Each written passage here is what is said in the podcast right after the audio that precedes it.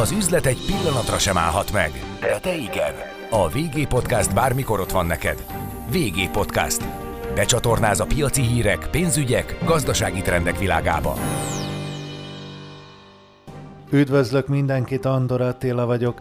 Változatlanul heves harcok dúlnak Ukrajnában, egyre több civil áldozatot is sajnos követel most már a háború, de a laikus embernek mégis az a véleménye, hogy lelassult az orosz előrenyomulás. Talán a vártnál lassabban eh, megy például Kiev ostroma, Mit lehet erről pontosan mondani, milyen hatásai lehetnek annak, hogyha lelassulnak az események? Erről kérdezem Jójárt Krisztiánt, a Nemzeti Közszolgálati Egyetem Stratégiai Védelmi Kutatóintézetének kutatóját.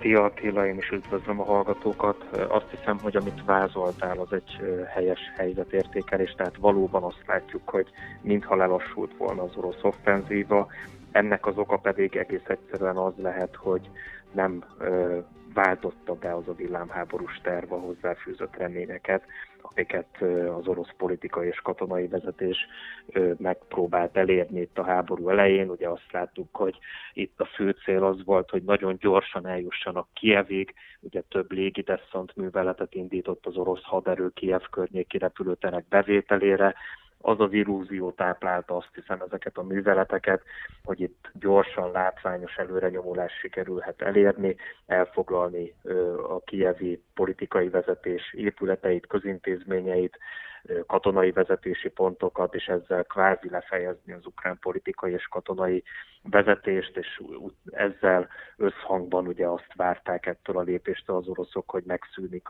az ukrán haderő ellenállása, Ugye miután ez nem váltotta be a hozzáfűzött reményeket, most azt látjuk, hogy valóban mintha lelassult volna az orosz előrenyomulás, ennek fő oka pedig az, hogy egész egyszerűen az orosz erők olyan mértékig nyomultak előre, hogy elhagyták az utánpótlási vonalakat, tehát a saját utánpótlások nem tudta követni ezt a gyors előre nyomulást, és azt láthattuk ugye különböző a közösségi médiában megjelent videófelvételeken, hogy orosz harckocsik vesztekelnek az utak szélén, kifogyott üzemanyaggal, tehát be kell várni, hogy az utánpótlás utolérje az orosz előre nyomult erőket. De ennek, látjuk, hogy... ennek nagyon-nagyon rossz és demoralizáló hatása van, nem? Illetve hát azt gondolom, hogy az orosz közvélemény legalábbis annak az állítólag kisebb része, amelyik a, a háborút támogatja, hát e, ilyen e, képsorok láttán akár elfordulhat a, a, a, a háború szellemi szemétől, nem? Hát minden esetre azt gondolom, hogy ezek olyan kicsit talán amatőr hibák, úgy is apostrofálhatnánk, nem? Ez abszolút egyetértek ezzel.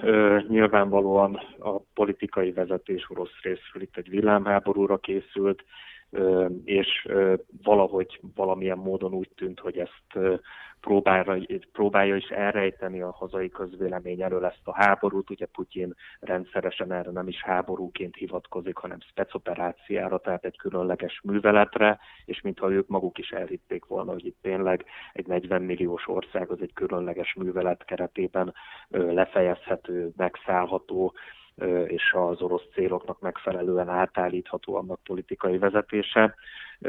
És valóban, tehát ahogy elkezdenek beérkezni az orosz áldozatok, és az erről szóló hírek, akkor úgy várható az, hogy az orosz hazai közvélemény is valószínűleg el fog fordulni ettől a háborútól, már a közvéleménynek azon része is, aki eredetileg támogatta itt az orosz politikai célokat és háborús törekvéseket. Vajon, nyilván egy veszélyes. Vajon egyébként Igen. hol ö, galoppírozhatta el magát ö, az orosz számítás? Nagyobb, ö, jobban védekeznek az ukránok, mint amire számítottak, ö, nem tudom, mégiscsak ö, nagyobbak a távolságok, nem olyan, ö, nem olyan könnyen legyőzhetőek a mostani ö, technikával sem. Hol lehetett, hol csúszhatott be a hiba?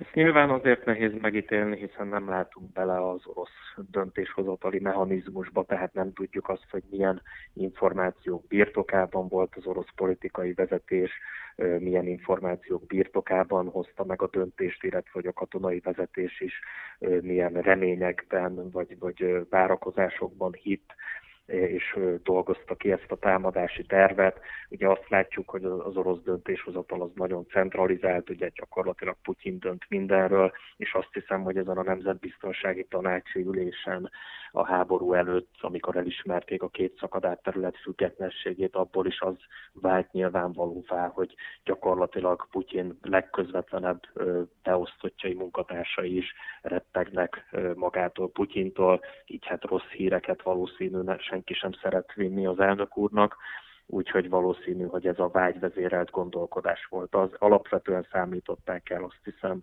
magukat az oroszok, az orosz vezetés, hogy mekkora ellenállást képes és hajlandó ez az ukrán haderő felmutatni, illetve az ukrán társadalmi, politikai viszonyokat, a társadalom politikai preferenciát, preferenciáit illetően is valószínűleg voltak hamis illúziók az orosz vezetés részéről.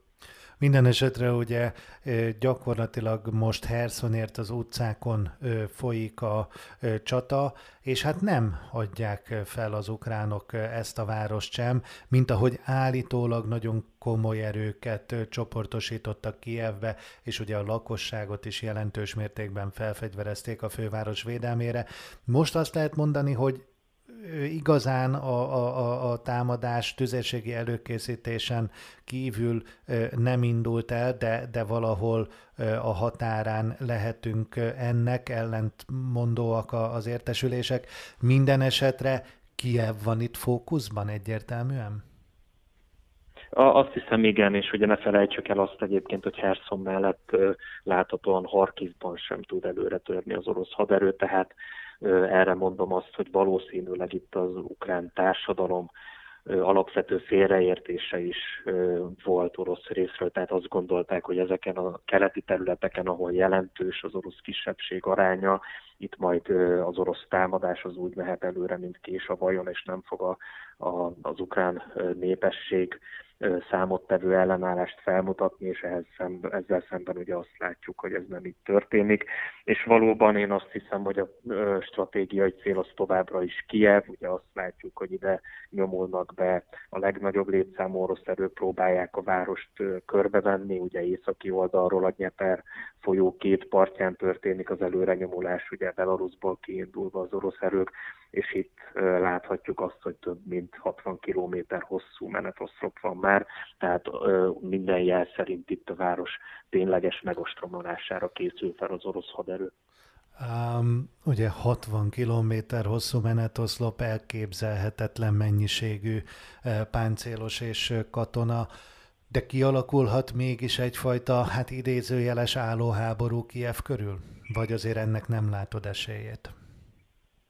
Hát azt hiszem, hogy mivel egy három és fél milliós városról beszélünk, tehát ilyen léptékű városostromot, amennyiben tényleg erre szánja rá magát az orosz haderő, és minden jel szerint erre készül. Ilyet a második világháború óta nem láttunk, tehát ez nem lesz sétagalop, az egyértelmű, így nagyon heves ellenállásba fognak ütközni uh, ukrán részről is, és itt jöhet elő az, uh, amit ugye az ukrán haderő, azok a fegyverek, amikre az utóbbi években szertett, illetve az utóbbi néhány hétben is ugye jelentős mennyiségű fegyverszállítmány érkezett, és továbbra is jelentős szállítmányok felajánlása történt a nyugati erők részéről, tehát ezek a Javelin harckocsi elhárító rakéták, Stinger váról indítható rakéták és más harckocsi elhárító eszközök, ezek a városi harcban nyilván nagyon jelentős fegyverténynek fognak bizonyulni ukrán oldalon, tehát nagyon jelentősek lesznek az orosz veszteségek, ezt előre lehet látni. Kiev lesz az új Stalingrad? Hát azt hiszem, hogyha tényleg sor kerül Kiev ostromára, akkor, akkor elkerülhetetlenül igen. Nagyon-nagyon jelentős számú polgári áldozat lesz nyilván összhangban azzal, hogy egyébként az orosz haderő háborút szokott viselni, tehát az orosz haderő az alapvetően egy tüzérség alapú haderő, a tüzérségi tűzzel történő előkészítés teszi lehetővé utána a manővererőknek a tevékenységét úgyhogy valószínű erre fog sor kerülni Kievben is, illetve hát ahogy láttuk ugye az elmúlt háborúk során, amikor Oroszország ilyen városi hadviselést folytatott, ugye eltekintve a 94-es Groznyi fiaskótól, ugye a második csecsen háború során 2000-ben már ugye Groznét azt úgy ostromolták az orosz erők, hogy, hogy gyakorlatilag a földet tették egyenlővé Grozni, tehát teljes tüzérségi tüzet zúdítottak a városra, és ugyanezt láttuk egyébként Szíriában, Palmira ostromában, ostroma során is. Több gondolatot fölvet, amit mondasz. Van a fejedben olyan forgatókönyv, mert ugye a válaszodat úgy kezdted, hogy ha sor kerül Kiev ostromára, van a fejedben olyan forgatókönyv, hogy nem kerül sor Kiev ostromára? Hát azt hiszem, hogy azt lehet még elképzelni, hogy az orosz erők azok körülzárják a várost. Nyilván ez is műveleti szempontból egy óriási kiterjedésű város esetében nem egy könnyű feladat és egyszerűen megpróbálják gyakorlatilag kiéheztetni a várost, ostromgyűrűbe fogni. A, ugye ezt már láttuk az elmúlt napokban, hogy itt a polgári infrastruktúrát is támadták Kievben, és ugye tegnap a kievi TV torony kapott egy rakétatámadást, ugye előtte való napokban ugye azt láttuk, hogy itt hőerőműveket, áramfejlesztő erőműveket támadtak, tehát ez is egy lehetséges forgatókönyv lehet, hogy ahelyett, hogy itt effektíve megostromolják a várost, bemennek a városba, egyszerűen körülzárják, blokkád alá vonják, és, és gyakorlatilag azzal, hogy megfosztják a várost az alapvető ellátástól próbálják rákényszeríteni a kievi vezetést arra, hogy, hogy megadja magát. É, mindenképpen azt gondolom, hogy ha egy valóban utcáról utcára való közelharc kialakul Kievben, vagy hogyha körbezárják és kiéheztetik a várost, mindenképpen tragédiák sorozatához vezet. Mi a véleményed? Még mindig működik az internet hozzáférés többé-kevésbé Ukrajnában, de az biztos, hogy az összes portált és híroldalt gyakorlatilag a folyamatosan a közösségi médiában megjelenő képek, videók, posztok járják körbe. Azt gondolom, hogy itt borzalmasan rossz üzenete van, bármelyik forgatókönyv is érvényesül, és azt gondolom, hogy Putyin, hát ha lehet így fogalmazni, vagy el lehet még képzelni, még komolyabb szankciók elé néz, ugyanis itt akkor küszöbön állhat egy újabb humanitárius katasztrófa Kievben, bármely forgatókönyv is érvényesül. Pontosan, és azt hiszem, hogy ne legyenek kétségeink, tehát a, a kievi TV torony elleni tegnapi rakétatámadás azt hiszem, hogy már ezt a célt fogja előkészíteni, tehát megpróbálják gyakorlatilag blokkolni, illetve lehetetleníteni az ukrán kommunikációs lehetőségeket. Ugye az számomra is fejté egyébként, hogy ezeket miért nem tették meg eddig, hiszen ugye az elmúlt években láttuk azt, hogy Oroszország milyen jelentős kiberhadviselési képességekkel rendelkezik, az elektronikai hadviselés tekintetében pedig azt mondják, hogy Oroszország valószínűleg világelső, és igazából meglehetősen szelektíven alkalmazta eddig ezt az eszköztárat Oroszország, tehát azt láttuk, hogy a kommunikáció az továbbra is működött.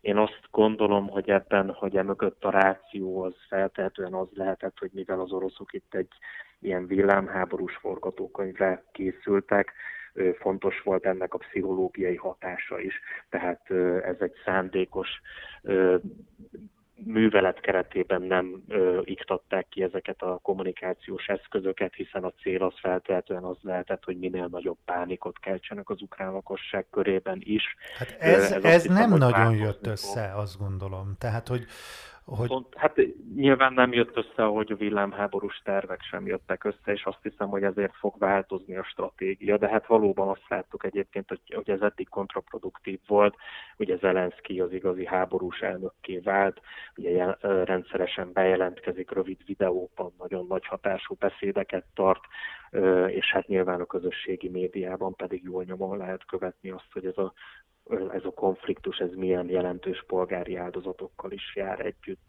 Egyébként hogy ítéled meg, kihasználják a felek a közösségi média adta lehetőségeket?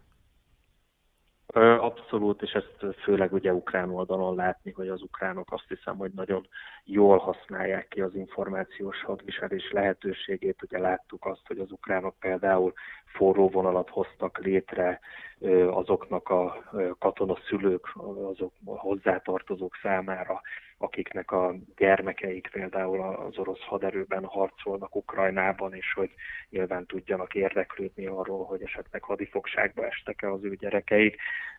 Ugye maga Zelenszky orosz nyelven tartott beszédet például néhány nappal ezelőtt kifejezetten az orosz lakosság számára, és hát azt látjuk nyilván ugye az Instagramon és más közösségi hálókon is, hogy, hogy gyakorlatilag ugye az egész világ Ukrajna mellett áll, tehát azt hiszem, hogy nyilván ezt nagyon jól használják az ukránok, és ugye azt látjuk, hogy Oroszország ellen is nagyon kiterjedt kiberműveleteket hajtanak végre az ukrán hackerek, akik... Akik egyébként a világ legjobbjai, és azt hiszem, hogy az utóbbi napokban egy kicsit kevesebb szó esik róluk. Meg tudják esetleg fordítani a háborút, vagy komoly, em, komolyan tudnak borsot törni az oroszok orra alá? Hát veszteségeket tudnak okozni a háború menetét megfordítani, azt hiszem, hogy, hogy nem tudják önmagukban. És hát ne felejtsük el, hogy az ukránok mellett nyilván az orosz hekkerek is világhíresek, tehát azt hiszem, hogy ez Ukrajna és Oroszország esetében két ilyen kiber nagyhatalomról beszélünk, hiszen ott a, az oktatási infrastruktúra is ugye a posztszovjet két posztszovjet országban lehetővé tette azt, hogy igen magas szinten képezzék ezeket az informatikában, matematikában jártas embereket, de hát ez a háború menetét nem fogja megfordítani, de látjuk azt, hogy gyakorlatilag most már a kibertérben is nem csak ukránok, hanem a, a kibertérben gyakorlatilag világviszonylatban összefognak egymással a hekkerek, és kiterjedt célzott támadásokat hajtanak végre az orosz célpontok ellen ez a háború menetén nyilván nem fog változtatni. Talán jól mutatja az internet jelentőségét, hogy a VG Podcast meg tudta szólaltatni a Kievi Magyarok Szövetségének vezetőjét a minap, aki változatlanul Kievben van, és azt mondta, hogy tulajdonképpen a Viberen tudnak kommunikálni a környékbeliekkel, és bár az ő egy kertvárosban volt, az ő kertvárosában nincsenek légvédelmi szirénák, de pontosan tudja az esetleges támadás idejét, helyszíneit, mindent a Viber segítségével. É, nem lehet, hogy az oroszok alábecsülik az internetes hálózat jelentőségét? Ezért hát, beszélhetünk hiszem, arról, hogy még mindig van lefedettség többségében?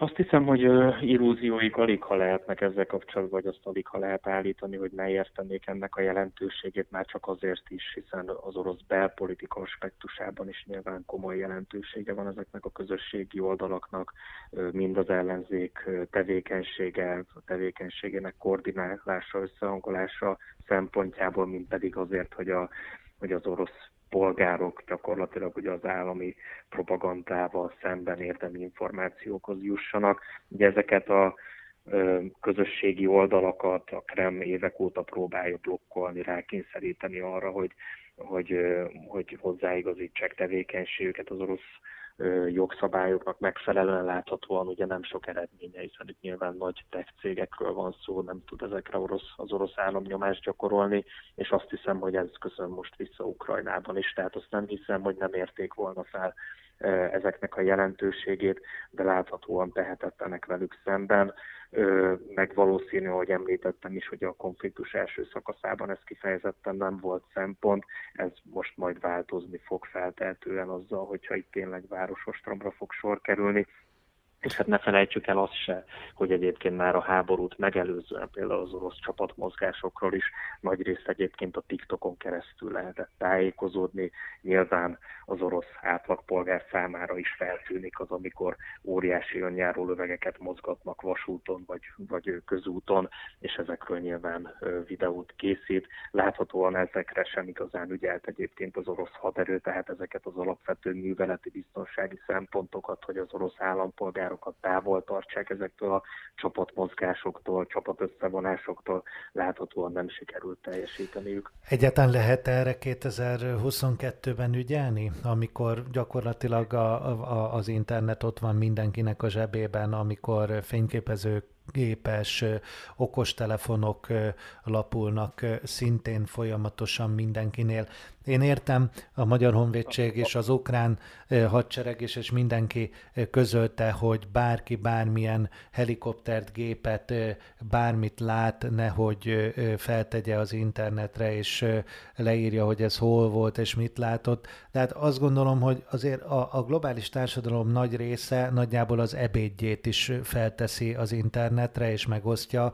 Nehéz elképzelni, hogy pont ilyen, hát most nem jut szerencsésebb szó az eszembe, érdekességeket ne posztolna.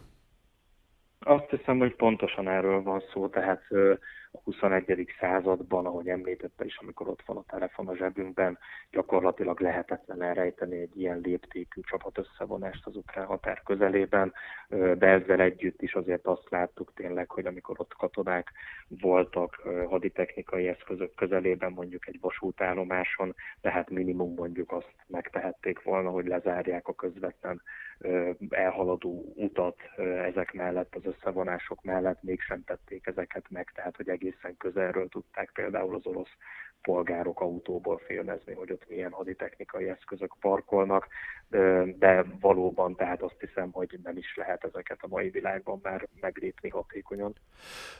Van a fejedben olyan forgatókönyv, hogy nagyon nehéz, rövid távon is nagyon nehéz helyzetbe kerül Putyin? Á, ugye egyfelől van egy vártnál sokkal lassabban, idézőjelben amatőr hibákkal megtűzdelt e, háború, csapat előrenyomulás, e, van egy nagyon komoly gazdasági szankciórendszer, gyakorlatilag egyfajta csődöt jelentett gazdaságilag a mai nap Oroszország.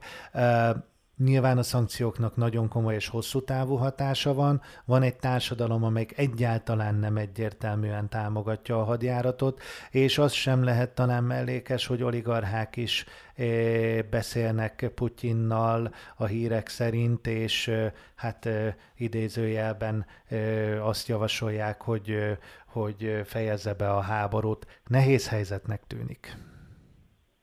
Azt hiszem, hogy az igen, és talán ez le, jelentheti a legnagyobb fenyegetést Putyin számára. Nem annyira az orosz társadalom részéről azt hiszem, hiszen ugye az elmúlt években láttuk, hogy mennyire represszív fordulatot vett Oroszország, tehát csírájában igyekeznek minden tömegtüntetést elfolytani, és ugye nincs ez másként a háború ellenes tüntetésekkel sem, ahogy láttuk, sőt, ugye Moszkvában kifejezetten brutális módon léptek fel mindenkivel szemben, aki kiment tüntetni a háború ellen, amit valójában én azt hiszem a fenyegetés lehet Putyin számára, hogy talán az őt körülvevő elit is úgy érzékeli, hogy talán most már több kár több kára származik Putyin tevékenységéből, mint haszna, és úgy, úgy dönthet adott esetben, hogy akkor elmozdítja Putyint. Ennek milyen módjai lehetnek?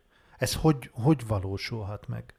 Hát azt hiszem lehet egy pucskísérlet, lehet az, hogy egyszerűen likvidálják Putyint, de hát nyilván ennek azért nem adnék nagy valószínűséget, de az kétségtelen, hogy ennek a valószínűsége most nagyobb, mint a háború előtt volt, éppen amiatt, hogy látjuk, hogy olyan oligarchák egyébként, akik rendkívül közel állnak Putyinhoz, Abramovics, Oleg Gyeripaszka, ők ugye most már kifejezetten a háború ellen szólaltak fel, és ugye nem is beszélve arról, hogy itt a Forbes számításai szerint a háború első napján gyakorlatilag a 22 leggazdagabb orosz 39 milliárd dollárnyi vagyont veszített el, tehát ezek olyan jelentős veszteségek, amik nyilván átrajzolhatják az orosz politikai és gazdasági elitnek a kalkulációit is, de hát ezzel együtt azt hiszem, hogy itt egy nagyon központosított vezetésről van szó, és azt hiszem, hogy ez a nemzetbiztonsági tanácsi ülés amin ugye Putyin elismerte gyakorlatilag a két szakadár területnek a függetlenségét. Ez részben az elit számára is szólt, ugye láttuk azt, hogy itt Putyin gyakorlatilag feleltette a saját legközelebbi beosztottjait, kifejezetten meg is alázta például Szergei Nariskint, a külső hírszerzésért felelős vezetőt, vagy, vagy Dimitri Kozákot is egyébként.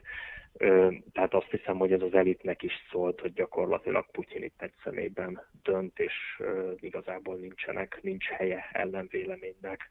Azt hiszem, hogy, hogy nyilván ez egyértelmű üzenet volt az elit számára. Este újabb béketárgyalást tartanak a hírek szerint. Lehet fordulat, vagy még korai?